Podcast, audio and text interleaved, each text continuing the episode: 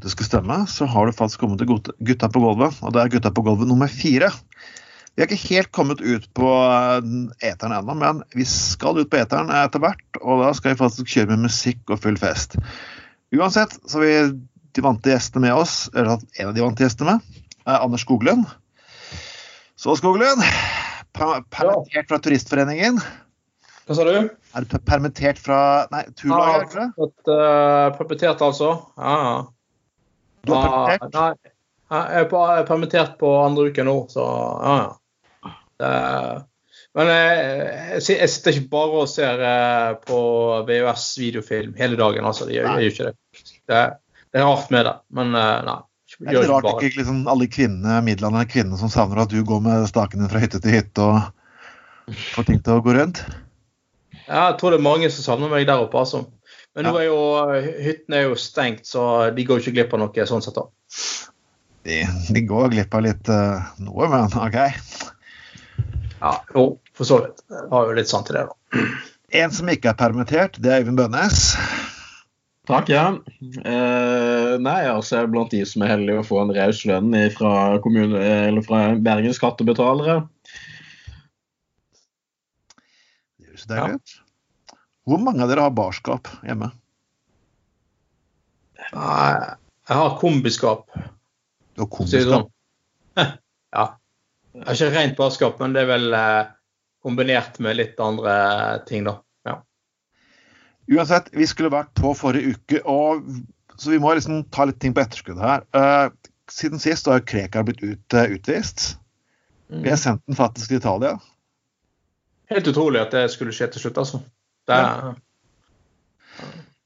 Eh, Det fascinerende var at Fremskrittspartiet sitter og spiser kake og feirer det. Ja, nei, altså dette er jo ganske Det er jo litt spesielt at de sitter og feirer med kake. At så snart de er kommet ut av regjering, så tar etterfølgeren etter en haug med Frp-justisministre og får eh, Krekar ut av landet, som de gikk til valg på i 2013. Det er jo noe Altså- spesielt. Og så feirer jeg da at noen klarte det de har mislykkes med i, eh, i, i over seks år. Det, det er imponerende, altså. Og denne kaken de eh, skulle feire med, så ut som sånn her Rema 1000-kake. Så de hadde eh, skrevet sånn hjemmelaget snekket på kontoret til en av de der stortingsrepresentantene der eh, 'God tur til Italia'. Og så de malt opp sånn norsk flagg og italiensk eh, flagg. Så jeg, jeg, jeg, jeg, syns jo på en måte at det var ganske stusslig, da, egentlig. Og egentlig ikke så veldig mye å bli opprørt over eh, heller, for så vidt. Altså, det er jo det er jo akkurat det Frp vil, er jo at eh, folk skal, eller de politisk korrekte skal bli opprørt og gi det at eh, Frp spiser kake, veldig mye oppmerksomhet. Men jeg, jeg må si at jeg, jeg, driter i det, altså. Om de koser seg med kake eller hva faen de gjør. Det er som dere sier, helt utrolig at eh, han blir sendt ut etter at de gikk ut av regjering. Etter at de, annet En av tingene de var oppgitt over at de ikke fikk til, det var å sende han ut. Men eh, jeg- samtidig må jeg si at jeg har ikke noe eh, Saken engasjerer meg ikke så veldig mye. Altså, for jeg har, jeg har ikke noe sånn Jeg syns ikke vi har noe grunn til å ha noe dårlig samvittighet overfor Krekar heller, for han har jo tross alt fått uh, prøvd denne saken sin 50 ganger i norske rettssystemet. Så uh, sorry, Mac. Det, jeg føler hans eh, rett, rettssikkerhet er godt ivaretatt. Men det var, det var jo god timing da, å sende han ut under koronakrisen, selvfølgelig. Minst mulig bråk. Nei, men Det er liksom desperasjon. Det er en annen Fremskrittspartipolitiker for eh, en uke siden som hadde noen dager igjen av sin karantene. Og så tar altså, kjører i- bryter av karantenen, kjører bil rundt omkring, og så forteller han det på Facebook. Og så følger jeg media der. Jeg føler sånn litt desperasjon. Sånn at hei, vi er gærne, vi, og bryter litt loven, men vi bryter den ikke likevel. Det er andre som er hysteriske. Ja, han, la ut på Facebook at han eh, det, var en, eh, det var en kvinnelig politiker som hadde brutt karantene. Det var ikke noe veldig hardt karantenebrudd. Hun hadde bare tatt, kjørt en tur med bilen, kan du si. da. Så liksom, det er ikke sånn der eh, Hun gikk og så sleiket på alt smågodt på Rema 1000, eller uh, gikk og hostet folk opp i trynet på bussen, men uh, Hvis du hadde gjort det og lagt ut på Facebook, så hadde det vært litt spektakulært. ja, så det er, jo, det er jo faktisk mennesker som faktisk eh, Det var vel en, en av disse kjente pastorene borti USA som hadde sagt at han, han, dette, her var, dette her var fake. dette her var fake. Koronafake. Ja. ja. Hva er de der bilene med, de der bilene med, med kjølecontainere i USA? Nei, det er sikkert bare iskrem. Det er en konspirasjonsteori at det er masse døde pasienter inni. Mm. Jeg, jeg syns jo faktisk Å, gud. Jeg, jeg, så, jeg så på nyhetene nå, da var det det beste, beste liksom, allergien her. For det var sånn De brukte et sted de laget, hadde sykehusene og var et tidlig eh, kongressenter som Hillary Clinton hadde brukt å ha et møte for fire år tilbake. Mm. Så jeg bare ser for meg den biten at noen kommer til å hive seg på den konspirasjonsteorien der. Ja, ja. Det var sånn som de, de, de som mente han som kjørte gjennom fem stater, for han trodde at eh, og angrep en restaurant med maskingevær fordi at der hadde, hadde eh, demokratene hatt en eller annen eh, tilstelning. Eh, Jo, jo, jeg hørte at det var faktisk De påstod at noen demokrat, Hillary Clinton, hadde drevet en pedo-sexring ja, I kjelleren. til der- pizzahus. Ja. Og så var det en fyr som hadde kjørt gjennom fem stater for å angripe det restauranten med maskingevær. Og det var jo selvfølgelig en konspirasjonsteori. Eh, merkelig nok. Jo, men altså det er jo i den absurde situasjonen i det landet at faktisk et av de to største partiene i landet aktivt eh, prok proklamerer og videreformidler konspirasjonsteorier, og har faktisk har bygd politikken sin rundt noen av konspirasjonsteoriene. Eh, så tenker jeg sånn, skal ikke forundre at det er noen galninger i et land med over 300 millioner mennesker, og attpåtil eh, flere politikere fra et av de to største partiene eh, sitter og eh, forteller konspirasjonsteorier til folk. Og attpåtil går til valg på noen av disse konspirasjonsteoriene også. Mm.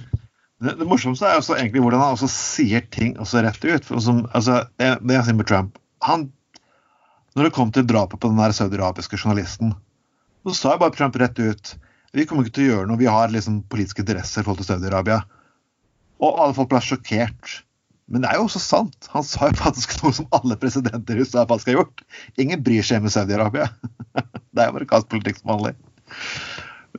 Konspirasjonsteorier altså, Men her var jo så, i denne tilfellet her så får vi se at konspirasjonsteoriene får konsekvenser. Mennesker dør.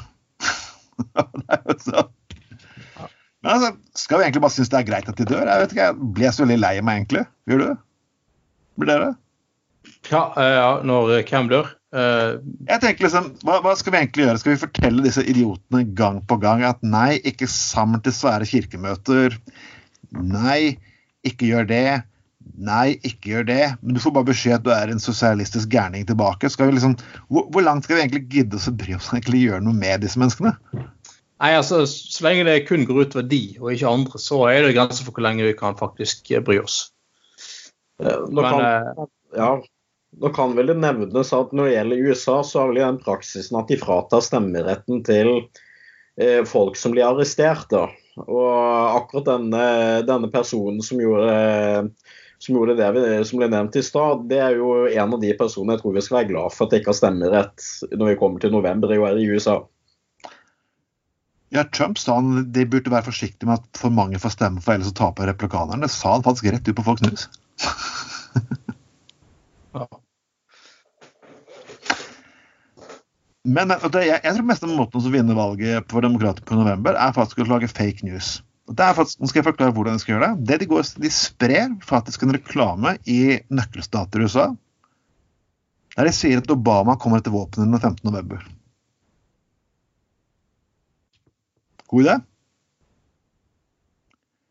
For det er sånn du, at du kan si nøyaktig hva du skal gjøre, og likevel gjøre det, og folk kommer til å gå på det. Det er litt sånn som wrestling. Alle folk vet at det er fantasi, men likevel folk sitter og faktisk gambler faktisk på at den og den skal vinne. Why not? Noen meninger? Ja, jeg tror, jeg tror jeg skal være litt forsiktig med å rådgi amerikanske presidentkandidater, altså. Eh, såpass beskjeden er jeg. Ok. ja. Men jeg må, vi må ta Ja, nei, Anders?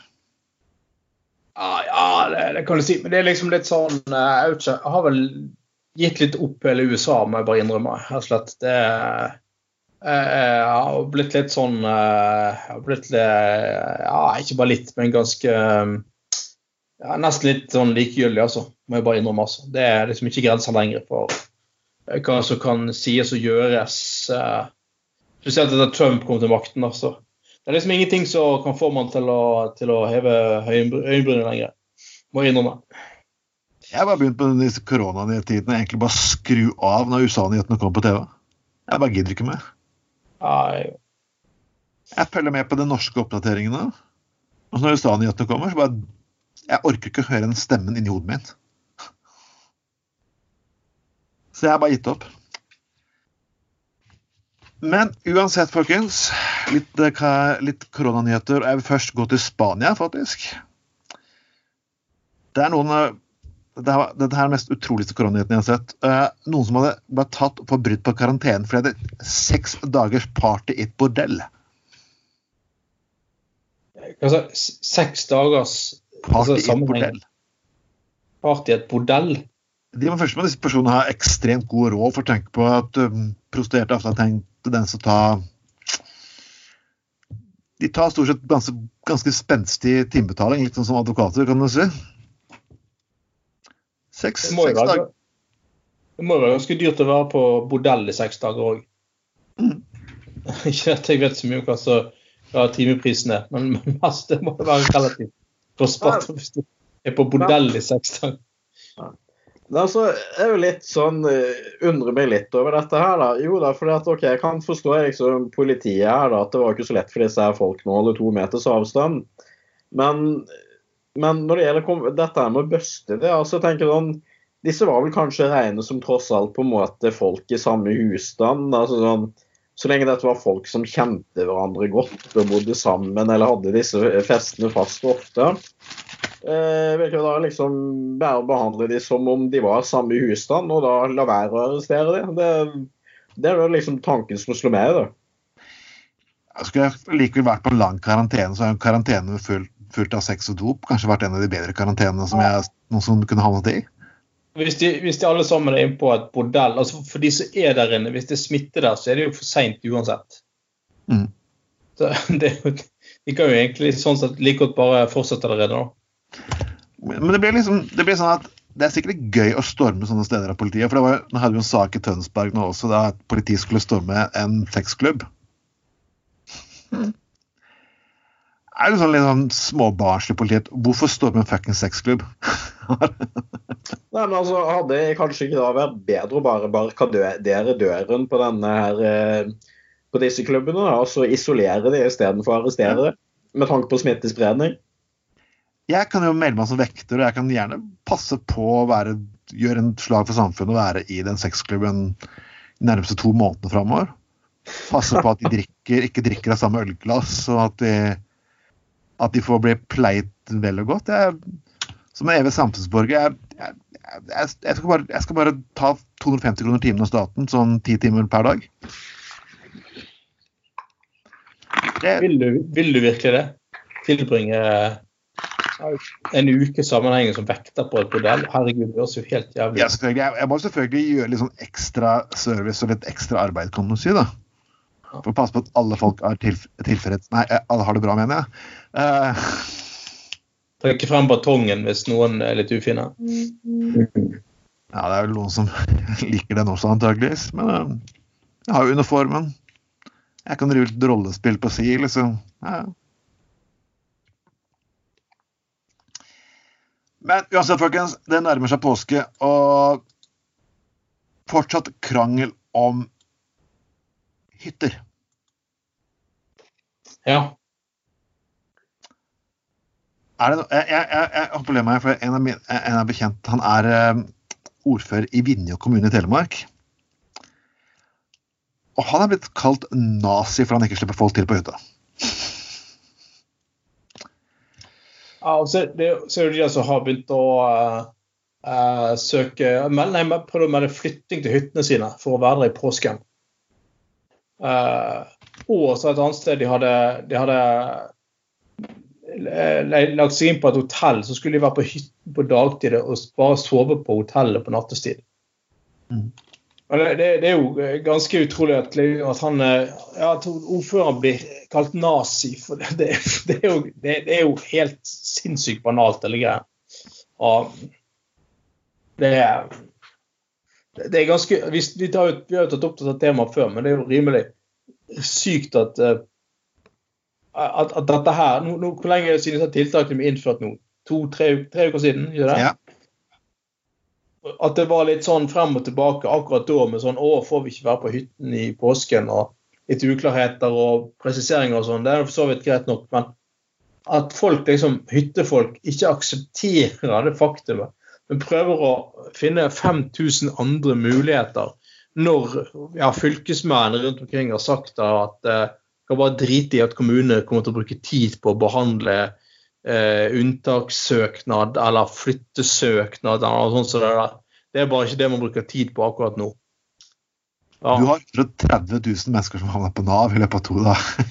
Altså, det er bare, bare... Jeg så intervju med en av IT-ansvarlige i Nav Fyren var faktisk ja. Du kunne se at han var hvit i trynet på bildet. Det er liksom litt fælt. Men fyren har hatt en relativt tøff jobb de siste dagene for å få det systemet til å gå rundt. Ja. Nei, men altså, jeg tenker litt sånn, Når du ser på disse, disse forskjellige eh, påfunnene for å prøve å omgå dette hytteforbudet men altså jeg blir ikke så veldig overrasket over det. For vi har jo i mange år, i hele mitt liv kunnet se at egoismen står ganske sterkt der i landet. da ut ifra oppslutningen på Frp på meningsmålingene. Og jeg har en veldig sterk mistanke da, om at Frp-velgerne er veldig høyt overrepresentert blant disse egoistiske hytteeierne som vi har kunnet lese litt om i mediene nå i de siste ukene. Eh, når det gjelder hytter, så har jeg lagt merke til at eh, det er jo noen av hyttekommunene som har lagt veldig høyt når det gjelder smitte i forhold til folketall. F.eks. Hol kommune har toppet listen nå i Eh, i alle fall et par ukes tid. Og det er jo da en hyttekommune med et eh, kjent sted som heter Geilo. Ja. Eh, på topp fem-listene er også lagt andre typer hytte, hyttesteder, som Nesbyen og også Solund, som ligger ikke så langt ifra oss, på andre siden av Sognefjorden. Der er det mange som har hytte til sjøs. Ja. Så ja, ja. Men OK, forhåpentligvis får nå disse Eh, for disse, eh, noen av disse egoistene eh, som lykkes å, i å omgå forbudet, sin straff enten i form av bot eller i form av korona. Altså var jeg på den, den store hyttekommunen Halden. Halden er en stor hyttekommune pga. alle øyene rundt. Der fortalte jo ordføreren, det er jo helt fuckings forbanna utrolig, det òg. Han fortalte at uh, nå midt i koronakrisen og alt det der, når folk har fått blitt bedt om å ikke reist på hytten, eh, eller ikke bare blitt bedt om det, fått beskjed om at det er forbudt. Så har de opplevd det altså på, på, legevakten i Halden. Og legevakten er jo et akuttilbud. Eh, og ja. spesielt hvis ikke du er innbygger i kommunen, så skal du i hvert fall bare opp, altså Hvis ikke du bor eh, sånn folkeregistrert i, i, kommunen, men bare hytta der, skal du i hvert fall være forsiktig med å oppsøke legevakten, legevakten mindre det er strengt nødvendig. For den er jo dimensjonert for de som faktisk bor i kommunen. Og Der fortalte de at uh, nå, i, i, koronatiden da, så hadde faen meg eh, masse av disse hyttefolket begynt å oppsøke legevakten med uh, mye sånn trivielle, enkle helseproblemer som de skal ta med fastlegen sin. Fordi at de nå først var ulovlig på hytten og, og, og, gjerne skulle ha sett på et eller annet ting med en lege. Uh, og hun, hun ordføreren hun var ganske forbanna forståelig ute på radioen og sa at for faen så feiler dere. Dere oppsøker jo faen ikke legevakten i disse koronatidene. Og dere i utgangspunktet ikke har lov til å være på hyttene i det hele tatt. Og i tillegg for å komme der med bagatellmessige ting. Lurer på, altså, hva er det hva er det de ikke skjønner? Hva er det de ikke forstår? Altså, en ting, en ting er å lure seg ut på hytten sin og ligge og skalke alle luker og late som om du ikke er der, men du er der likevel. og liksom ligge i, i, i ro og fred. Men når du liksom begynner å finne ut at nei, jeg har vært litt vondt i ryggen de siste ukene, jeg tror jeg skal må få sjekket av en lege. Og så går du liksom på lege, fuckings legevakten i en kommune du ikke har lov til å være i. Det er jo, det er jo ganske fascinerende, den kortslutningen hos de hyttefolkene. Altså. Eh, det fascinerende her er jo faktisk egentlig at det er de privilegerte menneskene i samfunnet som nå ikke har lyst til å miste privilegiene sine. Er ikke det litt morsomt? i den krisen? Jeg bare ler litt. Og vanlige arbeidsfolk jeg snakker med i, det, som er, i området jeg bor, de skjønner det. Ja. Og er det noen som faktisk har behov for å kunne komme seg vekk litt grann, og reise på en hytte av og til, så er det faen meg de sliterne som står opp faen meg midt på natten, jobber hele natten. kjører ut. Jeg, har venner som er sjåfører, som kjører alltid dritt. Er det noen som virkelig sånn at faen de at de skjønner, de skjønner Det er aldri noe snakk om at de skal reise på hytten, men at faen, vi kunne trengt oss et par dager på fjellet, liksom bare slappe av og lade batterien. De skjønner det. Men de privilegerte fuckings menneskene i samfunnet her, som har godt med penger, de skjønner det ikke. Ja, men det, Det fascinerer meg. men det, det, det, er det, men det er jo det der at uh, altså de som føler at ikke de har behov for fellesskapet, så har en følelse at de kan kjøpe seg til alt mulig, de, de, de krenker jo disse her eh, tingene, og de har jo lav, lav forståelse, da. Men eh, ja. Og bare tenk på alt det tenk, jeg, jeg må lese andre linker som er lagt med i sakslisten her, som er, som er fantastiske. Du kan, alt det du kan få levert på døren nå. Jeg vil selvfølgelig, Siden vi ikke er offisielt radioprogram, så kan jeg skryte litt. Der. Her på vestkanten, eksempel, så er det en fin liten ølbutikk som leverer fuckings øl fuckings på døra di. Juleting, ikke det? Ja, Gultinget. Ja. Snacks og øl fuckings på døra. Ja, lov, Wow. Det er lov å skryte litt av de. Det er lokale aktører som trenger hjelp nå i eh, koronatiden, altså. Og fucking ass, Du kan være fullsjuk og jævlig, og så får du fuckings snacks og enda mer fuckings øl på døra. Fucking ass. Perfekt, helt perfekt kombo. da. Ja. Kondomeriet er nesten, nesten, nesten Du kan få all alkohol og glidekrem og kondomer på døra. Tenk på det. Damn! Men uh, er litt, interessant, da. fordi at uh, Nå hørte jeg sa at Gulating også begynte å kjøre rundt. Men de, er jo da at de, de har jo da et hav av ølsorter. da. Eh, men nå er også det et av bryggeriene, da, Syv Fjell, som for øvrig er veldig godt, godt øl, de har jo også begynt med dette her. Det er knallbra. Eh, og det syns jeg er den situasjonen vi er i utgangspunktet et bra tiltak. Eh, og i dette tilfellet er jeg veldig glad når det først er et enkeltbryggeri som gjør det. Ja. Ikke som Gulating som selger øl fra mange bryggerier. De har vel sitt eget brygg òg. Eh, så er litt bekymret om dette smitter over på veldig mange andre brygg eh, samtidig. da. For at, eh, altså Hvis du begynner å få en haug med dørselgere bryggerier, så vil nok til- etter hvert begynne å gå ganske lei av disse ringene på døren. og sånt. Altså Jeg vil jo for faen ikke ha noen, at noen kommer med ringene sitt smakløse øl og forstyrrer meg på døren. Da vil jeg bli, Du, du, du, må, det er det, du må faktisk bestille. Så de kommer ikke bare sånn der, Det er ikke sånn som isbilen som står her nede. Selv om det har vært veldig gøy, ølbilen istedenfor isbilen. Det var knippemoro. Ja, da går det greit. Så du må faktisk bestille her. Så det er ikke sånn at plutselig kommer ikke en fyr med slibber frakk og så ringer på døra og spør om han skal sette fram en kasse Ringnes. For det Det hadde jeg ikke kjøpt selv. Et mørkere bjelleklang på den bilen til, eh, til bryggeriet. Ja, men vi har, vi har, når- vi har isbil, så hvorfor ikke ha ølbil? da? Jeg tenkte, Når det ikke for å bli, bli nedringt av dørselgere, så OK. Er i den situasjonen vi er i. Ja, altså, tenk at alle bilene kan ha hver sin lyd. Det blir kondomeriet. De kan ha liksom eh, stemme til Ron Jeremy som liksom joper og så småstønner over høyttaleren. Da vet dere liksom at da kommer liksom kondomeribilen. Og så kan de ha noen her eh. Eller vet ikke jeg, gunslingers lyd på spilleren. Da vet jeg at ølbilen kommer. Og så eh, kan jeg bordelle meg med sviser, og da vet jeg at Bård Hoksrud kommer. Nei da. Uh, Nei, det, det, det, blir, det blir litt uh, Men uh, vi, vi har en god nyhet, for det er april i år. Dette her skulle bli Cannabisfolket har ventet på denne her år, eh, denne år, året i årevis. Vet du hvorfor?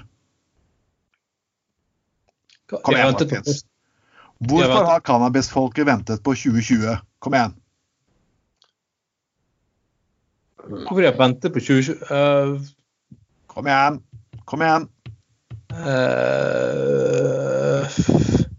OK, lite hint. 420. Hva er det for noe? Fort. Ok, ok, Jeg snakker til feil publikum. Sorry. 420 er jo selvfølgelig nasjon, er kjent for å nasjonaldagen til cannabisfolket. Det er markeringsdagen 20. april hvert bidige år. Men i år så blir det 420 hele april. Ja vel. Hvorfor det? For det april er den fjerde måneden i 2020. Derfor blir det 420. Det er et morsomt ordspill. Å, herre Jesus, folkens. OK. Mm. Ja, men det, det, det, det, vi er ikke så inne i det der uh, Dette her uh, cannabisland. Det Altså, Jeg er ikke inne i Elvis heller, men jeg vet at det er Graceland er et sted faktisk veldig mange Elvis-supportere faktisk reiser. Men OK, folkens. det Men er, noen som har skjønt dette her, er jo faktisk, eh, er faktisk godeste kondomeriet. De har faktisk en egen krem som heter orgasmekrem, kall cannabiskrem, som heter Holy Mary. Ja. Hadde jo vært veldig interessant å vite om disse kan bestå eh, testen når det gjelder villedende markedsføring. da. ja. For å si det sånn, Jeg tror ikke politiet kommer til å løpe, eller eh, Forbrukerombudet kommer til å løpe etter kondomeriet i disse dager. Men, eh, men jeg lurer på altså, eh, Er det sånn at sexleketøy har nå blitt en sånn eh, bakvei, for å si det sånn? Du kan sikkert bruke det der også. Du kan sikkert det. Ja, men til, til legalisering av til sniklegalisering av cannabis. Det er jo, det er jo veldig spennende, da, i så fall, hvis du kan få eh, cannabis, det cannabis eh, krem og cannabis-buttplug og ja, alt mulig sånne ting. Det, det er jo ja, det, det, som hadde vært mors, det som hadde vært morsomt, da, var jo hvis det hadde vært blitt åpnet opp for eh, en begrenset bruk av eh, cannabis, men kun i underlivet. Ja. Altså, hvis du kun bruk, fikk lov til å bruke det på sånne private steder, så hadde jo det vært litt Ja, eh, Da blir vel ordet stein kan brukes helt nye. Har som, Ja. ja. tredje stein. Det er faktisk en norsk side som har dette her. Og ja, faktisk, det er ikke Jeg vet ikke om de driver med hjemmelevering, men uh, ja, for det, det sier ikke det at uh, det er mange som snakker om porno. for vel, I Canada så hadde vel salget av sexhjelpemidler økt med 115 Ja. Altså, Ja. Da er det korona. Ja, jeg antar det. For plutselig Det har kommet de siste ukene, så liksom, du trenger ikke akkurat å være Nei, du, trenger, ikke- du trenger ikke akkurat å være sånn kjempeekspert på dette her for å liksom se litt, se litt sammenhenger, kan du si. Og det, det har gått så langt at i dag så leste jeg faktisk Jeg leser utrolig mye rart. Og jeg leser Tro og medier. Og da, eh, De hadde en artikkel fra, fra VG der det står ikke la koronatid bli pornotid. Fucking ask. Men altså, ja, det, det, altså, det er det liksom skadevirkningen av uh, isolasjon og sånn, så det er viktig å ta tak i først. Ja. Ja, ah, folk ser for mye på porno. Ja, det må vi ta tak i. Det kan bli et problem. Det, Jeg har sett så mye rart på liksom, folk som er hjemme med voldelige foreldre, voldelig partner. Folk som har psykiske lidelser, som har ensomme eldre som er for seg sjæl. Nips. Ikke la korona til å bli pornotid. Nei, men altså, jeg tenker at det er no, Dette er jo sånn type gladnyhet innenfor denne koronasituasjonen vi er i. Vi har alt som mulig stengt ned, og massevis av folk sånn som dere som er permittert. Ja. Det er faktisk noen bransjer som kan øke sysselsettingen sin i denne tiden. da. Så for min del er jo dette, dette er jo type gladnyhet. Ja, nei. Ja, altså, ja her kan jo, dette kan jo virkelig bli en uh, altså, mener, Hva kvalifikasjoner kreves egentlig for å jobbe i sex, i- altså i mener, sånn kondomeri og sånn? Det er ikke sånn altså Du må ikke ha høyskoleutdanning, for å si det sånn, eller fagbrev. Eh, Ja, eller Er det ikke nettbutikker som er, får den økningen i salget? da? Det er vel De fleste butikker er vel stengt ned, er det ikke? Ja, ja, men hvis de skal ha hjelp til å kjøre ut og levere ting og sånn, så er det kanskje en del som kan få jobb der. Så, Nei, men jeg, jeg, jeg, var, jeg var tilfeldigvis på kondomeriet for å kjøpe noe for en venn. ja, ja, ja, selvfølgelig. Okay. Var det den cannabis-greien, eller? Nei, nei, nei, jeg var der faktisk og skulle bare ha helt, helt greie artikler, egentlig. Ok. Og det er sånn, de er jo veldig sånn trente, de personene som er der. De, som, de skal jo drive mersalg, ikke sant. Har du prøvd den kremen, prøvd den serien? Og så tittet jeg i filmhyllen, selvfølgelig, for en, for en venn. Og vedkommende bak disken kom med anbefaling for det, og alt mulig rart sexleketøy. og skulle, Har du ikke prøvd den, har du prøvd den, har du prøvd den? Den her burde du prøve. Liksom. Så det virker som de må ha de, Jeg skal litt ha vært på arbeidsintervjuene deres. Når de ansetter folk. For noe noe kunnskap må de selvfølgelig disse, disse personene står her ha.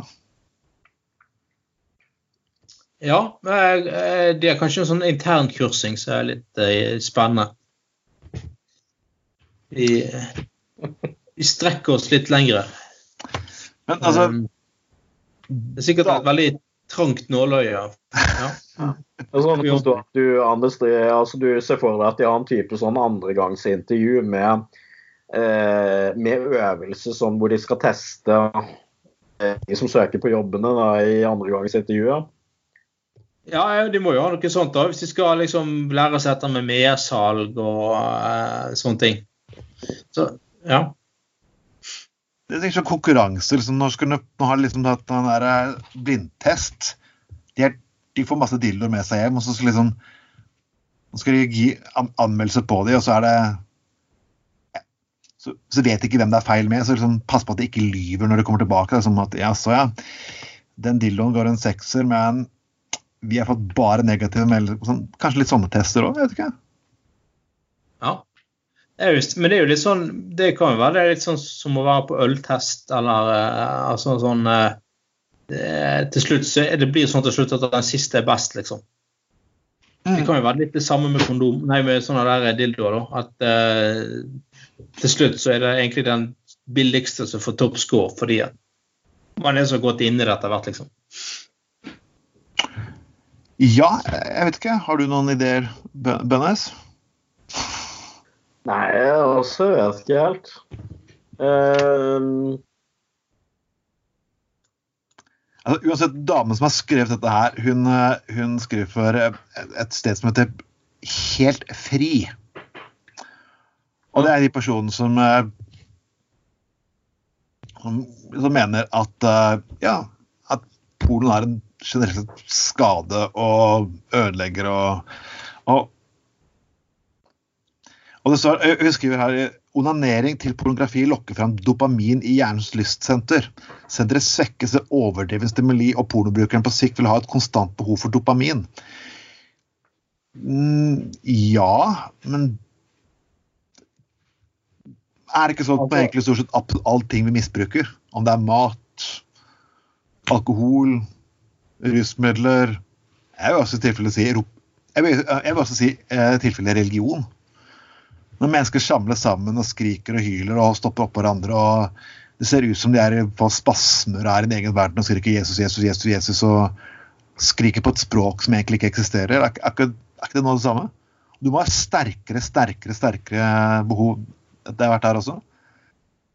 Men er det så jeg mener at det, det, det som får for rus som et narkotikum, liksom, altså porno. Det er som en form for ja, Nå er det jo en funksjon som alkohol som heter Av og til. Og det er faktisk en ganske fornuftig organisasjon på alkohol. Liksom det er sånn, ja, dere har lov til å drikke, men ja, ja. vis, vis hensyn. Liksom ikke, du trenger ikke å drikke i alle sammenhenger. og Kanskje drikke litt vann ved siden av, ta hensyn til små barn. Det er greit. Ja, selvfølgelig. Ja. Ja, men så synes det er litt interessant perspektiv da, Trond. Da, for det at sånn, Hvis det er sånn at mye det blir, mye blir til verre, så litt sånn Hvorfor er det akkurat dette de skal se på som de store problemene, da? Mm. Altså Hvis det er, så, hvis det er sånn at altså, folk eh, slutter å ha et sosialt liv og slutter å gå på jobb og sånne ting fordi de ser for mye porno, så er jo det selvfølgelig et problem, for all del. Det, da, da, har de jo da har de, da har de, da har de dratt den for langt, for å si det sånn. dratt for langt, ja.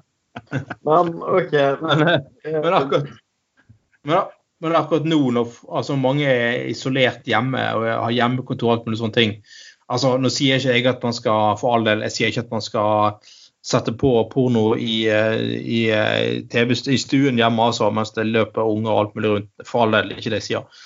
Men, men altså det, det, når det først er så, så jeg er med Bønesen, jeg skjønner ikke helt at dette her kan være det som er mest skadelig, sett i forhold til alkoholmisbruk eller eh, uforsiktig og hensynsløs bruk av alkohol da, sammen med barn. Så er jo porno egentlig faktisk veldig uskyldig. Altså, det er jo noe som er litt paradoksalt i dette her, da. Fordi at alle blir jo oppfordret til å ta alt mulig over digitalmøte, videokonferanser osv. Eh, OK, de blir arrestert hvis du går på sexklubb. Ja. Men så skal de bli arrestert hvis du også gjør det digitalt. Det er bare sånn uh, det, det, det er noe som virker som en sånn type logisk kortslutning. Og hvis du blir avhengig av noe, så er, det ofte, så er det ofte bevis på at du mangler noe annet i livet ditt. Altså om det er porno eller hva det måtte være. Og, men si, det seriøse i artikkelen er jo sånn at du sier det at pornoindustrien er brutal. Og, og det er jeg helt enig i. Ja, ja. Mye porno som er, er ikke, den er ikke spesielt eh, likestilt. Vi må bare tilstå at den er ikke det. Men Nei, for, ja, nei, for Nei da. der er Venstre for ti år tilbake sånn artikkel at de måtte fokusere på arbeidernes rettigheter i industrien. Mm. Etisk porno. Jeg så, um, en av disse her debattenprogrammene på, på NRK, uh, der selvfølgelig temaet var korona for uh, femte kveld på rad. Å, herregud. Uh, ja, det da var jo det var han der eh, Christ, Hva heter han programlederen? Han Christian eh, Strand? Nei, nei, ikke Strand. Han andre eh, Han som var i Dagsnytt 18 før. I hvert fall, For så vidt ganske dyktig programleder, da. Eh, han som nå har jeg programleder i, i eh, debatten. Men i hvert fall så var det da eh, denne gangen liksom spørsmål fra ungdom eller unge, da, studenter og sånne ting. Og annet at, eh, så Spørsmålet gikk jo da til politikere og til helse... Hva heter det? Hel, eh, helse, hels, eh, Folkehelseinstituttet. Ja, og hun er stakkars damen fra Folkehelseinstituttet. Altså, annet av spørsmålet fikk, var jo bare sånn Kan man møte en date på Tinder? Kan man altså, sånn, hva, hva- med en one night stand sex? Så, nei, lov. Og så svarte hun bare gang på gang liksom at eh, eh, Nei, pr pr hun sa liksom prøv å holde deg akkurat, akkurat i disse tider, prøv å holde deg til én partner, liksom. Ja. altså, når dette er over, må du gjøre som du vil, men akkurat nå er det greit hvis, hvis du har en kjæreste eller noen du har et forhold til eller noe på gang med, så skal ikke vi eh, selvfølgelig skal ikke vi eh, nekte folk å gjøre som de vil. Men, men eh, sånn sett Men akkurat det der med å være tidenes Don Juan akkurat de, i disse dager, det er fint hvis man kan, kan vente med det, liksom. Sånn sett er jo egentlig det mer positivt at folk sitter og ser på porno. altså Da snakker vi selvfølgelig om, om vanlig porno som er stuerein, da. sant? Eh, er mye at- de gjør det som en substitutt, enn at folk begynner å bryte disse koronabestemmelsene og blir fristet til å møte en eller annen sånn Tinder-date, eller hva det skulle være for noe. Ja. Det er litt, morsomt på Tinder. for Jeg husker, jeg husker en gang jeg bare putta kontaktannonser inn, så var det noe sleazy. Husker ikke alle kontaktene som var i Dagbladet sånn Ja. Tur i skog og mark. Og du skulle alltid, du skulle alltid pynte på dem så jævlig. Det var sånn at man skulle pynte på det sånn at å, ja, jeg, jeg har sånne interesser, jeg liker egentlig hjemmekvelder og det er liksom ikke Bare for å vise at du er en sånn fantastisk person. Nå er det sånn Jeg ønsker å møtes for å knulle. Og liksom, helt greit, å sitte bare en sånn liten app i skolegården.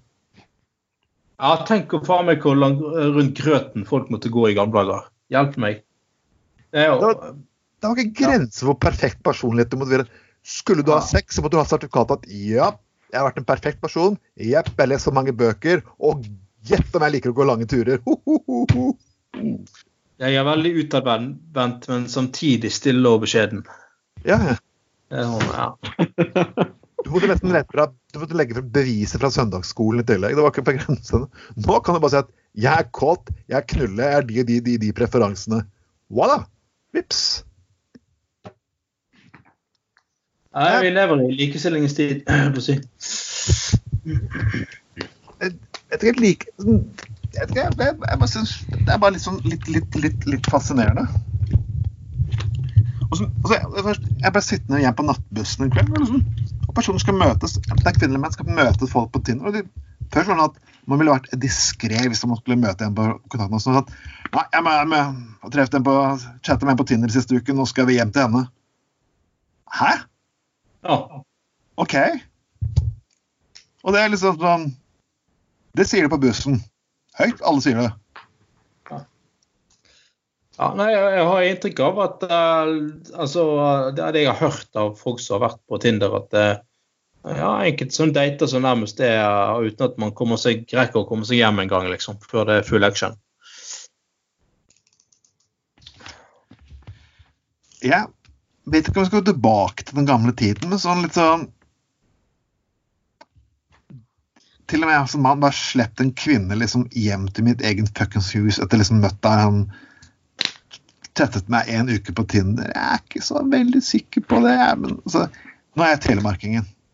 Ja, av oss. Og vi er jo Vi kommer fra et folkeslag som lærte oss å ha sosial distanse før det ble kult. Det er, det er ikke tull, folkens. Det er kun én som er død av korona i Telemark. Kun én. Er fordi at ingen fra Telemark er på Tinder? Dere må ha korona! Korona dere må ha sosial distanse! Telemarkingen bare Hæ? Eller et, en sånn fylkesmann i Telemark-Vestfold. Altså, det, er, det er hvor sta telemarkinger er. Når man skulle slå sammen Telemark og Vestfold, gjett hva de kalte fylket. Telemark og Vestfold. Helt korrekt. Det er så fantastisk. Du vet det er fra Telemark. Du må nødt til å kalle det Du må fuckings nødt til å kalle det Telemark Vestfold. Men hva skal Om du skal kalle det Telemark Vestfold eller Vestfold Telemark, jeg er ikke sikker. Yes. Eller uh, Telefold eller uh, Vestmark. Uh. Vestmar er, nei, det er en region, tror jeg, bestående av Kragerø og Drangedal og alle jævlige områdene oppover der. Det er vel litt sånn er markedsføringsgimmick her også. Det blir sånn Telemark-ski. Det har liksom ikke det samme meningen lenger som eh, hvis navnet Telemark forsvinner, da. Nei, Du har jo egentlig rett i det. Så den type Vestmark eller, eh, eller Telefold eller noe sånt, det eh, Du ville mistet noe der på veien, da. Eh, jeg skal, nå skal Telemark ha det at det, det er jo et veldig sterkt eh, navn da med mye identitet. Ja. Da, eh, jeg, jeg, hadde jeg bodd i Vestfold, så hadde jeg kanskje syntes det var stas å bli en del av Telemark og bare hete Telemark. Kanskje synes det var for harry. Ja, altså, Definisjonen av harry i Telemark er liksom sånn at den, jeg, jeg, jeg, jeg, jeg lærte meg kun hva folk mente med harry når jeg kom til, til Bergen. På grensen mellom TV, harry og business as usual i Telemark er liksom sånn Det er sånn OK. Det er sånn flytende, kan du si, da. Ja, da, vi har vært en runde på byen i Skien, så det, det, det går for seg der. Jeg har vært borte fra Bergen i mange, Skien i mange år, og så var 2006 jeg måtte tilbake dit. For jeg, jeg skulle liksom, min far var død, og jeg skulle arve opp og hans. Og da havnet jeg på en lekter eh, nede på Skienselva. OK, lekter, sol, fint vær. Ja. Og det her var fredag. fredag kveld, fredag. Fint, Ja. Aldeles nydelig å sitte ute og drikke øl. Og da hadde selvfølgelig da dørvaktene begynt å hive folk ut, og da mener jeg fysisk hive ut, og folk skakk og sang 'Hore eller kuk, hvor blir det av fitte?' Og, og det var klokken åtte på en tredag. Og altså, det du har av stereotype syn på vektere, det eksisterer faktisk i Danmark. Ja. Så liksom Når jeg kom til Bergen, liksom, som, så oppfalte jeg liksom som, sånn som ugla og, og sånne steder som det er. Ja, OK. Der det, hjemme. Altså, det var der du oppholdt deg til vanlig, inntil det ble, ble stengt.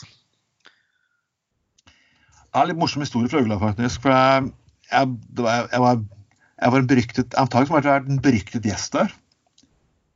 For jeg står på Antakeligvis har jeg gått veldig mye på fylla der. antageligvis. Jeg har jo en de personene som har blitt nektet inngang der. Jeg er fascinerende på en gang de på kveld. Han var ganske full. Men jeg står på vakt. Det er fem-seks uker siden. Og står på vakt, så er det en fyr på byen, og han like før han skal opp ut, han står og ser på meg nøye. Du, det er deg, ja? Ja, ja, ja. Ja, ja. Og det viser seg å være den gamle bartenderen på Ugla. Så Ja, men jeg, jeg husker gamle um, uh, Karl Marx Oh. legendariske stedet som kun eksisterte et par år, men som alle fremdeles snakker om. Det lå vel rett ved siden av uh, Ugla der. Yep. Det, og det var et sted for politikere. da. Han ba, bare masse politikere som hang der. Det, det, det var vel egentlig utgangspunktet et sånt sted for venstresiden, men så ble, bare ble det en sånn pub for, eh, for, eh, for, ja, for, for, for politikere generelt. Eller kanskje politikere fra venstre til sentrum, for å si det sånn. Mm. Og ikke Høyre gikk der, for å si det sånn. Men der, der er jeg en gang vitne til det helt legendariske at en, eh, en, politisk, en opphetet politisk diskusjon ender i hongemengd. Oi. At folk ble, de ble kastet ut fordi de begynte å, begynte, å, å, eh, ja, begynte å slåss. Pga. en politisk diskusjon som kom, som gikk ut av, kom ut av kontroll. Det, det, altså, du kan si veldig mye om eh, allsidigheten i Bergens uteliv i dag, men det opplever du ikke lenger. Ja, De takler tydeligvis ikke det at det ikke var noen ordfører til stede som kunne, kunne lede forsamlingen. da. Nei, det var et eller annet Det var to stykker eh, to stykker, Jeg tror begge to var langt ute på venstresiden, men de tilhørte hver, hver sin sånn her eh, studiering. Eh, og så skulle, begynte de jo sånn eh, spontant å diskutere et eller annet sånt eh, kommunistiske greier, og så de, var de så uenige at de sto og frådet opp i ansiktet på hverandre. og Til slutt så begynte de å, begynte de å slåss, rett og slett. Eller ta tak i hverandre. da. Så ble, måtte dørvakten komme, eller bartenderen komme løpende og hive de ut. det. Jeg var der en gang og jeg opplevde at man fikk del av friheten på bordene. Og de som ikke vet hva friheten er for noe, så er dette her eh, det gamle eh, organet til NKP. NKP Norges Kommunistiske Parti. De som fortsatt tror at eh, Østerblokk, Nato-Warszawa-pakten, var frigjørerne for eh, Europa. Og det tror de fortsatt. Eh, Fascinerende nok. Eh, Avisen deres har det er, det litt morsomt når vi kommer inn på det, Anders, at vi begynte jo faktisk vår radiokarriere faktisk i deres radio. ja da. Ja, ja, absolutt. Ja, Det var NKP sin radio, og vi til slutt ble kastet ut. For vi, vi sviktet revolusjonen. Jeg hadde et veldig bevisst forhold til det der å balansere det der og ikke svikte eh, revolusjonen på den tiden der. Mm. Jo, Jeg gjorde så godt jeg kunne, men eh, nei, det falt i unåde til slutt likevel, altså. Men jeg, jeg, jeg savner litt sånne politiske steder. Vært, altså, jeg var i København, så var det politiske puber. Altså, ah. og da mener jeg jeg ikke være sånn bare på venstresiden, men liksom, litt sånn jevnt over, Liksom, vi kan sitte og nerde. Det kan ligge litt av politiske aviser der, og vi kan ha litt høylytt debatt. og var, Folk kan spre kroppsvæsker over partigrensene, kan du si, litt sånn forskjellig. ja. Nei, du, men du hadde, hadde jo litt til Ja, litt, litt nesten det samme i Oslo, da. Hadde man vært før, i hvert fall. Men eh, jeg, har vært, men jeg er enig med deg. Men jeg har vært i København innom et par sånne politiske steder. Og det er jo det er ikke noe sånn altså, Det er veldig hyggelig der, fordi at altså, det går an å slå av en uforpliktende prat med noen. Så kan du finne veldig mye god aviser og litteratur og sånne ting. da. Kan eh, nyte over en øl. Ja. Jeg tror Ja. Ja, kom igjen, Anders. Jeg var innom en sånn eh, Køben en gang som jeg tror var drevet av noe sånne der veldig venstreorienterte folk. Jeg, jeg, jeg, vet, jeg vet ikke om de betalte skatt eller hva de gjorde. i hvert fall så, når du betalte penger, så tok de kun kontant, og så tok de en øl, ølflaske rett opp av en kasse, da, så du fikk, liksom. Jeg, jeg, tror, jeg, jeg er redd for at de pengene kan ha gått til et eller annet lugubert, altså. Det men, eh, men i hvert fall, flott med mangfold av sånne, sånne steder. Ja. Sånne steder husker jeg eksisterte faktisk i Oslo i sin tid. Eh, Jeg hørte Fridemokratene, hvis du husker det. ja. De kjørte jo da en ulovlig pub midt på jeg tror, Den lå faktisk i Torgata. Okay. Og- altså, ja. Og det her var jo polit altså politikere alle partier gikk jo der. Det var jo til de grader forbudt, men de skulle drive sånn her liberalistisk revolusjon. Alt skulle være lovlig og tjohei. Og, og politiet ga jo en lang periode egentlig bare faen. Så lenge det ikke var narkotika der, så dreit de opprør. ikke sant? Og til slutt så måtte Dagsavisen skrive om det, og da, da suste politiet inn der faktisk mens de hadde et et likestilt strippeshow der med både mannlige og kvinnelige strippere og masse liberali fulle liberalister og politiet. Likestilt eh, strippeshow er jo det. Ja, Ja, ja. ja, begge kjønn og homofile, alle skulle representere seg her. og Det, ble, det her var siste store kvelden i, de hadde i, i på høsten 96. Men da hadde puben eksistert midt i Torgata faktisk opptil flere måneder før noe hadde blitt gjort. Det kunne jo ikke skjedd i dag med sosiale medier, men OK. Nei, men altså, det, det er litt interessant, da. For at eh, sånn type libertariansk eh, pubinitiativ, det er jo eh, Jeg har hatt inntrykk av det som har vært noe sånn type eh, politisk rettede pubsteder og sånt. Det har vært mer sånn typen eh, Rødt RV-steder eh, av det som jeg har sett i Bergen tidligere. Eh, men det er, tydeligvis, det er tydeligvis ytterpunktene på venstre- og høyresiden som, som er de som, eh, som oppretter politiske puber. Det, det er vel konklusjonen min. Ja, men det, det, før så var det at husker, har, du, har du hørt om noe som heter Objektivistforeningen? Objektivistforeningen. Ja, ja, ja. Dette er personer som var ekstremliberalister. Ingen stat, alle, alle, alt, alt skulle privatisert, ingen velferdsgoder, liksom absolutt ingenting. Og de hadde, sånn, når, de hadde, når de hadde stand på studentåpning i, i Grieghallen, så var det et svært to meters dollartegn. Det var sånn de hadde. Så hvert år var tidligere, så hadde de og NKP en debatt. Og da, da, var alle så, da kommer selvfølgelig alle politiske nerder fra hele høyre- og venstresiden. For det har vært alle har vært enige om én ting i salen, var at begge to har noen fuckings loonier. Men debatten er så absurd at det var jo det som Ja. Vi måtte stoppe humringen i salen, for både alle satt og lo. Jeg savner noe sånt igjen. Ja, ja, enig, ja da, jeg er enig i det. Ja, klart. Uh, Men tror du ikke akkurat dette er liksom det helt store forretningskonseptet akkurat per dags dato, altså? Tror du skal vente litt før du prøver å ta initiativ til noe sånt? Altså, jeg tror etter den, der, eh, den eller pandemien her er ferdig, og vi har fått eh, Og jeg har kanskje fått Det blir litt, litt mer boliger og litt mer ste- steder ledige, kan du si. da. Det, er jo, det kan jo skje. Vi kan jo kanskje avskrive eldrebølgen, hvem vet. Ops, nå er jeg slem, gitt.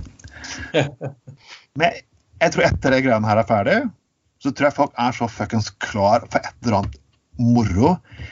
Ting som ikke er så fuckings sterilisert. Gi litt faneholdning igjen. Litt politiske puber der jeg kan ha litt sånn syk form for eh, underholdning og debatter. Tror jeg faktisk er kjempeklar for. Mhm. Jeg, jeg jobber som dørvakt. Jeg, tror jeg, jeg, jeg, skal ikke ha den jobben når det her faenskapet her over. ja, det, er- nei, det blir kanskje litt sånn som maidagene i 1945, altså. ikke bare litt. For folk skal eh, Ja. Da, Tenk på de som deg, Bønne, som faktisk har en inntekt hver bidige måned nå. Og er single. Altså, jeg, jeg, var, jeg var faktisk vakt i, i Grieghall under, eh, under den verste olje, olje, oljeboomen. Da oljeprisen var på over 100 dollar fatet, og eh, selskapene bare kastet jo faen meg penger og tørka seg rasshølet med det. Og de hadde noen ganger hadde de fribar, andre ganger hadde de sponsa drinker. Og her kom en horde med unge menn. Ja, Nedbetalte leiligheter, 20-årene, single. Og vi hadde jo omsetning på sånn 300 000-400 000 i løpet av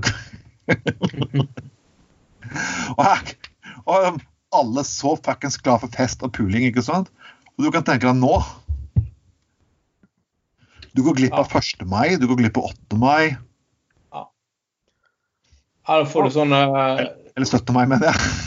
Ja. Du hadde den der, eh, denne generasjonen som ble født i 1946 med sinnssykt mange Det var midt i boom. Det er sikkert sånn boom i 2021 òg. Mm. Uh.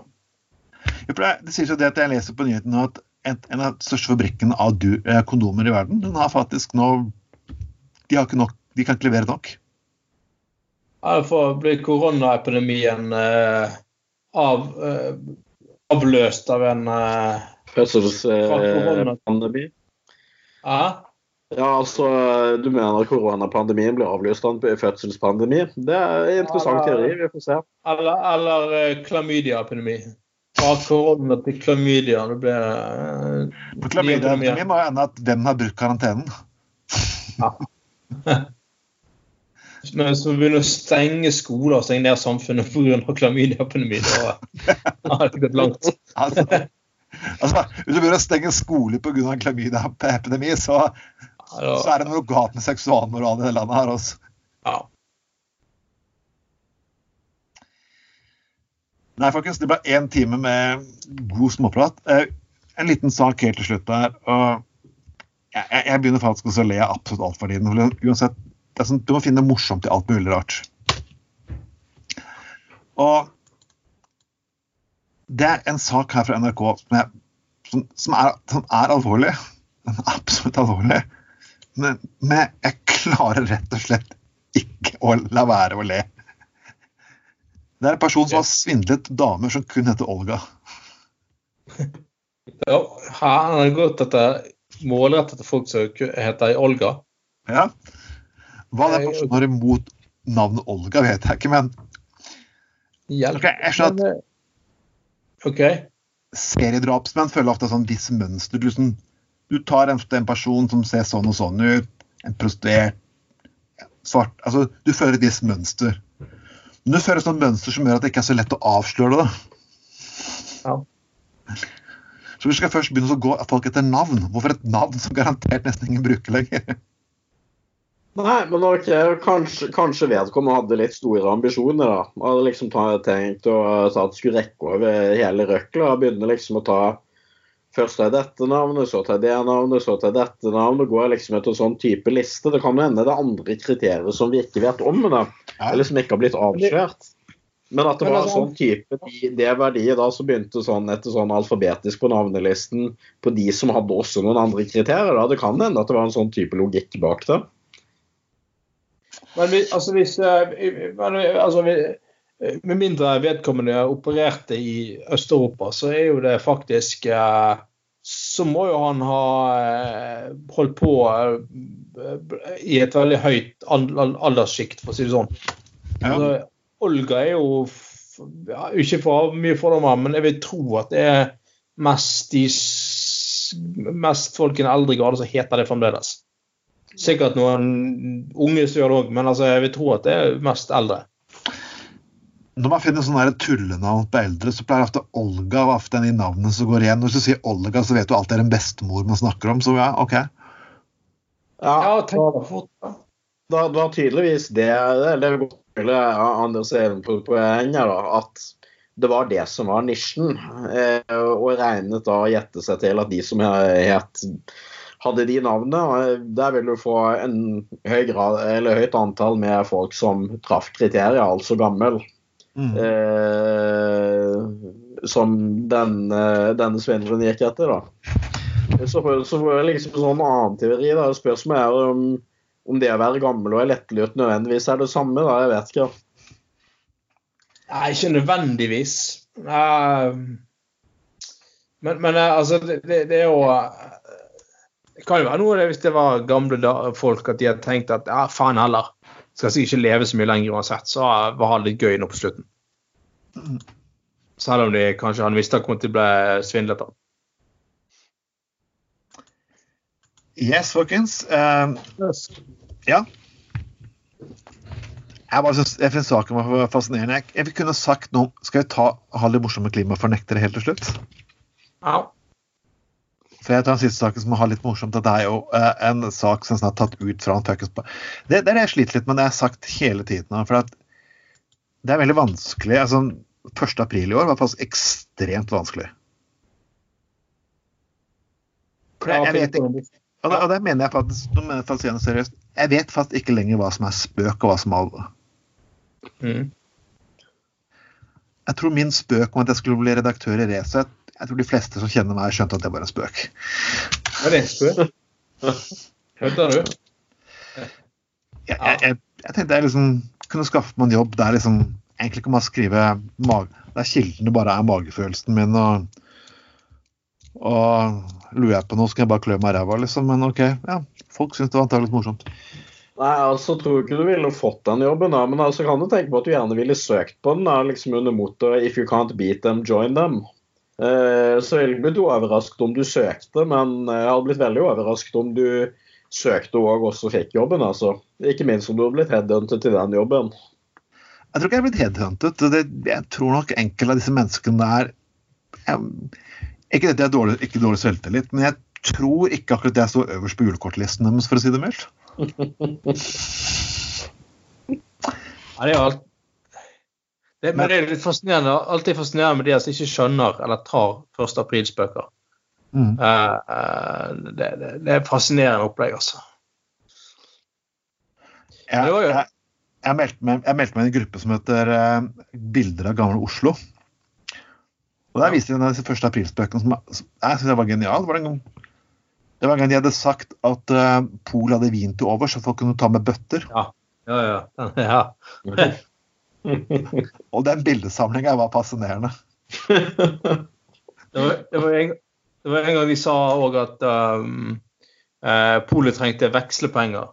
Så hvis du, hvis du, hvis du tok med 50-øringer, så eh, skulle du få alkohol kraftig nedsatt. Hvis du kom og betalte med 50 Det var jo selvfølgelig en del som stilte opp på Vinmonopolet med sånne der, eh, sånne der syltetøyglass med masse små mynter. Jeg, jeg kjente en person som mor kjente en som jobbet i utrykningstjenesten for politiet i Skien i sin tid. og Der hadde de kjørt en spøk at du kunne bruke fjernkontrollen faktisk på, på, på enkelte lyskryss. Og de hadde jo bare ligget og gråtet på politikammeret etterpå, for folk hadde sittet og klikket og klikket med, med TV-kontroller rundt omkring i trafikken. Det hadde vært uh... Ja. Litt, men det, men det, det kommer tilbake til kom på begynnelsen av sendingen. Du kan Det vil alltid være en idiot der ute som tror på et eller annet. ja. Men uh, en av de siste sakene jeg skal ta opp her, det at det her gjelder naturfotografen eh, som tror du kjenner til, Anders. Audun Rikardsen. Hva sa du? Naturfotograf? Jepp. Uh, ja, kanskje. Eh, Ja, men, eh, men hva, hva med Ja. Hva eh, en, en av bildene hans hadde blitt brukt på uh, Foreningen mot klimahysteri sine sider. Og Ja, han, ja. Ja, ja, ja. ja. Og han da sendt en, en regning. for Han satte ikke så veldig godt pris på å bli, bli assosiert med disse personene. ja. Istedenfor å faktisk ta og jekke seg ned, så kjørte jo Thomas Roglen, en av administratoren bak det her, eh, tilbake med å faktisk saksøke den. ja så, altså Saksøker han som hadde sagt ifra at man ikke likte at de misbrukte bildet hans? Jepp. Han hadde hatt en skjermdump av hva som hadde foregått, ned på sin Facebook-side. Og ja. ja, men det, ja. Men det, det var jo spesielt nå her tidligere i vinter, når han der eh, klimafornekteren fra Askøy, eller hva han var for noe eh, Han fikk jo mye oppmerksomhet, mye Five Minutes of Fame. Eh, men når, når liksom alt, Han sier jo bare Ja, men jeg tror ikke på klimaforandringene. Ja, men Hvorfor gjør du ikke det? Nei, jeg tror ikke på det. For jeg ser det ikke. Nei, jeg ser det ikke. Det, det, nei, men hvorfor? Hva er, nei, jeg tror ikke på det. Altså, fyren har jo absolutt ingen argumenter mot klima. Eh, eller hvorfor han er mot eh, Eller er klimafornekter. Eh, han bare sier at han er imot det. Og det er faen meg sykt at eh, tusenvis tilslutter seg han eh, uten han ikke har et eneste argument. Men kan man ikke slutte å behandle disse menneskene på altså, jeg, blir, jeg blir litt sånn trøtt av NRK. Kan man ikke slutte å, å sammenligne disse menneskene som, som likeverdige? Altså, du ja, Ja, når du skal, diskutere, når du skal diskutere andre temaer på samfunnet, så tar du ikke en politimann eh, en politimann og Gunnar fra gata for å diskutere justispolitikk. Du gjør ikke det. Nei. Du gjør ikke det. Når du gjelder kokkekunst, så putter du ikke en Michelin-stjerne og en person som jobber på, på Peppes. Ja, eller Men når det kommer er til klimapolitikk, fint, da kan jeg liksom putte Karen fra Facebook, som er hørt etter, på et eller annet forum, mot en fucking person som er vitenskapelig ansatt på Universitetet i Oslo. Hvorfor? Ja. Uh, Det er det jeg faen ikke uh, forstår. Men det, men det er jo igjen disse her eh, De der klimafolkene, er jo det er jo sånne konspirasjonsteorifolk igjen, da.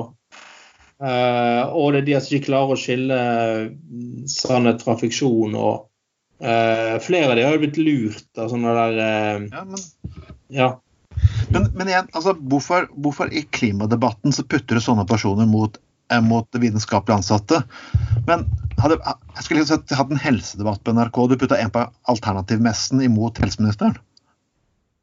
Du gjør ikke det? Ja. ja. Nei, Bønnes, du er klima... Du er miljøverner, faen. Hvorfor? Nei, ok. Du er miljøvern. Nei, altså eh, Snodig setting, da. Altså eh, eh, type, altså sånn type klimafornektere. sant? Dette er jo type sånn Det er jo samme gjengen som er konspirasjonsteoretikere på andre områder også. Ja. Eh, og det er jo litt sånn, Den type folk vil jo litt lett når de møter virkeligheten, eh, møter noen problemer. da. Og sånn som det- dette eksempelet med Audun Rikardsen, så er jo sånn Det er jo litt absurd at de prøver å argumentere for et søksmål på samme måten som han selv. Eh, da argumentere at skjermdumpen han har tatt fra dette Facebook-forumet, eh, den mener de å oppgjøresretten til, da han har hatt en skjermdump av bl.a. sitt eget bilde inne på denne Facebook-gruppen. Eh, det er jo ikke den helt store logikken i det resonnementet til, eh, til disse folkene her, da. Men eh, det, det, er jo, sånn- det blir litt det samme da, som du setter helseministeren opp i altså Hvis du skulle satt helseministeren opp i en debatt med den type folk, da tror jeg ikke helseministeren ville likt seg så godt i sånn type, type debatt. sant? Og Det er jo litt, litt det samme her med typen, typen denne Audun Rikardsen antagelig, en type profesjonell fotograf som har tatt fantastisk masse, masse flotte bilder av naturen. Da. Han har jo liksom ikke lyst til å bli satt i sammenheng med disse her. da. Det er vel det som er liksom kjernen i dette her. da. Eh, Det, som gjør saken verre, er at eh, han er ikke profesjonell naturfotograf engang. Han- er eh, professor på eh, dette her eh, universitetet på Svalbard. Han, jobb, han jobber jo med klimaendringer. Altså han, han jobber jo med, med, klimaendringene, sant? sett fra Svalbard og isen som minker og alt dette greiene her. Men så har han en sterk interesse for foto. da. Så han, når han er ute på og forsker, så tar han bilder. sant? Det er det som er greiene hans og kamuflerer eh, kamera så isbjørn løper rundt og ser på og sånne ting. Jeg skjønner jo at det for hans eh, del er et problem når han blir misbrukt av klimafornektere. Kan ikke bare slutte å kalle de klimafornektere, bare kalle de vitenskapsfornektere. Ja, vitenskapsfornektere. Når jobben hans er å forske på og bevise at eh, klima har en effekt på, på miljøet og på isen og sånne ting. Mm. Men, men, men, bare fordi at nei, bare fordi noen tør å si på TV at de er klimafornekter, så skal de få Dagsnytt 18, og de skal få TV 2, og de skal få Dagsrevyen, og de skal få all mulig oppmerksomhet. Det, det, det, det, det er ganske sykt, altså. Det er ganske Altså, sykt. Ta, en sammenligning. da, liksom Flat Earth Society det er jo, mm, har jo vært en organisasjon som har eh, vært til stede i mangfoldige tider. sant? Ja. Men de får jo ikke noe annet oppmerksomhet enn når en type person der eh, ender opp med å miste livet i type sånn rakettoppskytningsforsøk for å vise at jorden er flat. Det er liksom der listen ligger for at de skal få en oppmerksomhet. da. Jeg tenkte sånn For et par tiår tilbake siden at jo, ja, det er kanskje et sted hvor det er, det er morsomt å være. Vi tar kanskje antageligvis ikke dette eh, dette de, de påstår og mener for så veldig, veldig høytidelig. Eh, det er sånn min tankegang før i tiden, da. Men eh, liksom listen disse her skal, eh, skal få en oppmerksomhet, den ligger vanligvis på at de utenom klima så ligger den veldig høyt. Da må de gjøre noe sånn skikkelig eh, ekstraordinært eh, av sensasjonspreg. Eh, men, men når det gjelder disse, disse som da driver med vitenskapsfornekting innenfor klima, de har veldig lett å komme, komme til ordet da, i nasjonale medier. Eh, så det er jo noe der som er veldig forskjellig, da. Jeg kan jo forstå at Kalle Hagen kommer på trykk, for han kommer jo på trykk altså, bare han bare han slipper en fjert. For det er liksom, alt det han sitter og sier, virker som det er ufattelig interessant for norsk media og meddele resten av samfunnet. Ja, nå, nå så jeg for meg eh, Nå så jeg for meg han slipper en fjert. Ja. ja ah, nei, det, det var ikke et fint syn. Du så for deg en fjert. Jeg så for meg han slipper en eh, fjert. Altså, det Altså, ja. Nei. ah. Jeg var Vi og mot slutten I- Ikke plant sånne bilder oppi hodet vårt, Ron. Vær så snill. Nei, tenk altså han liksom evig går forbi og slipper han en saftig brøler, liksom. Det Nei, er det liksom Ja, det var litt mye erter i den sausen din, Eli. Åh, gud. Altså, Karl I. Hagen har jo kommet med én ting på Twitter. Jeg, jeg har fått, eh, faktisk egentlig blitt blokkert fra å svare Karl I. Hagen på, på Facebook. Det er litt så det er det som så han som en som var i skoledebatt en gang med, med han der eh, Vidar Kleppe Oh. eh, fra Demokratene. Og så kommer han hele tiden med altså det, det er jo litt sånn hjelpeløst for Demokratene å stille opp på debatt i, på skoledebatter i Bergen, liksom. Det, det, det, det burde jo skjønt at de har ikke så mye å hente der, da. Men så var det selvfølgelig en annen eh, fra et annet parti som plagde han der Vidar Kleppe hele tiden, Men altså med helt uh, saklige, greie ting. Ja. Uh, altså, sant? Og så, så sier han blir så sint til slutt, Vidar Kleppe. Han sier bare ah, 'Din vesle fjert'. Og så, Din vesle fjert. Og så, så sier han, uh, sier han, svarer han andre ja, det er, bedre å være en liten, det er bedre å være en liten fjert enn en sur gammel fis. Oh. Det var jo sånn som en gang Husker, husker du Rødt en gang het RV? Ja, ja. Det er ikke så lenge siden. Det, ja. Eh, Det kan, det kan være den siste tingen du sier i podkasten. men han, han, da en av representantene faktisk kunne skoledebatten, det var rundt 390-30 år, sa at det er bedre med en liten kjapp enn en stor slapp en. Knegg, knegg. knegg, knegg. Yes, folkens. Vi begynner å runde av her nå. Dette var podkast nummer fire, Gutta på gulvet. Øyvind Bønnes, Anders Skoglund og meg, Trond Atten. Dere kan jo komme med kommentarer i kommentarfeltet. Spre den her videre. Og gjerne komme ideer til saker dere vil vi skal ta, ta på, på sending. Og hvis klimahysterikere, eller rettere sagt idioter av konspirasjonsteorier har lyst til å saksøke oss på denne sendingen her, vær så snill å gjøre det. Vi sier takker av, farvel, og ønsker alle en fantastisk aften.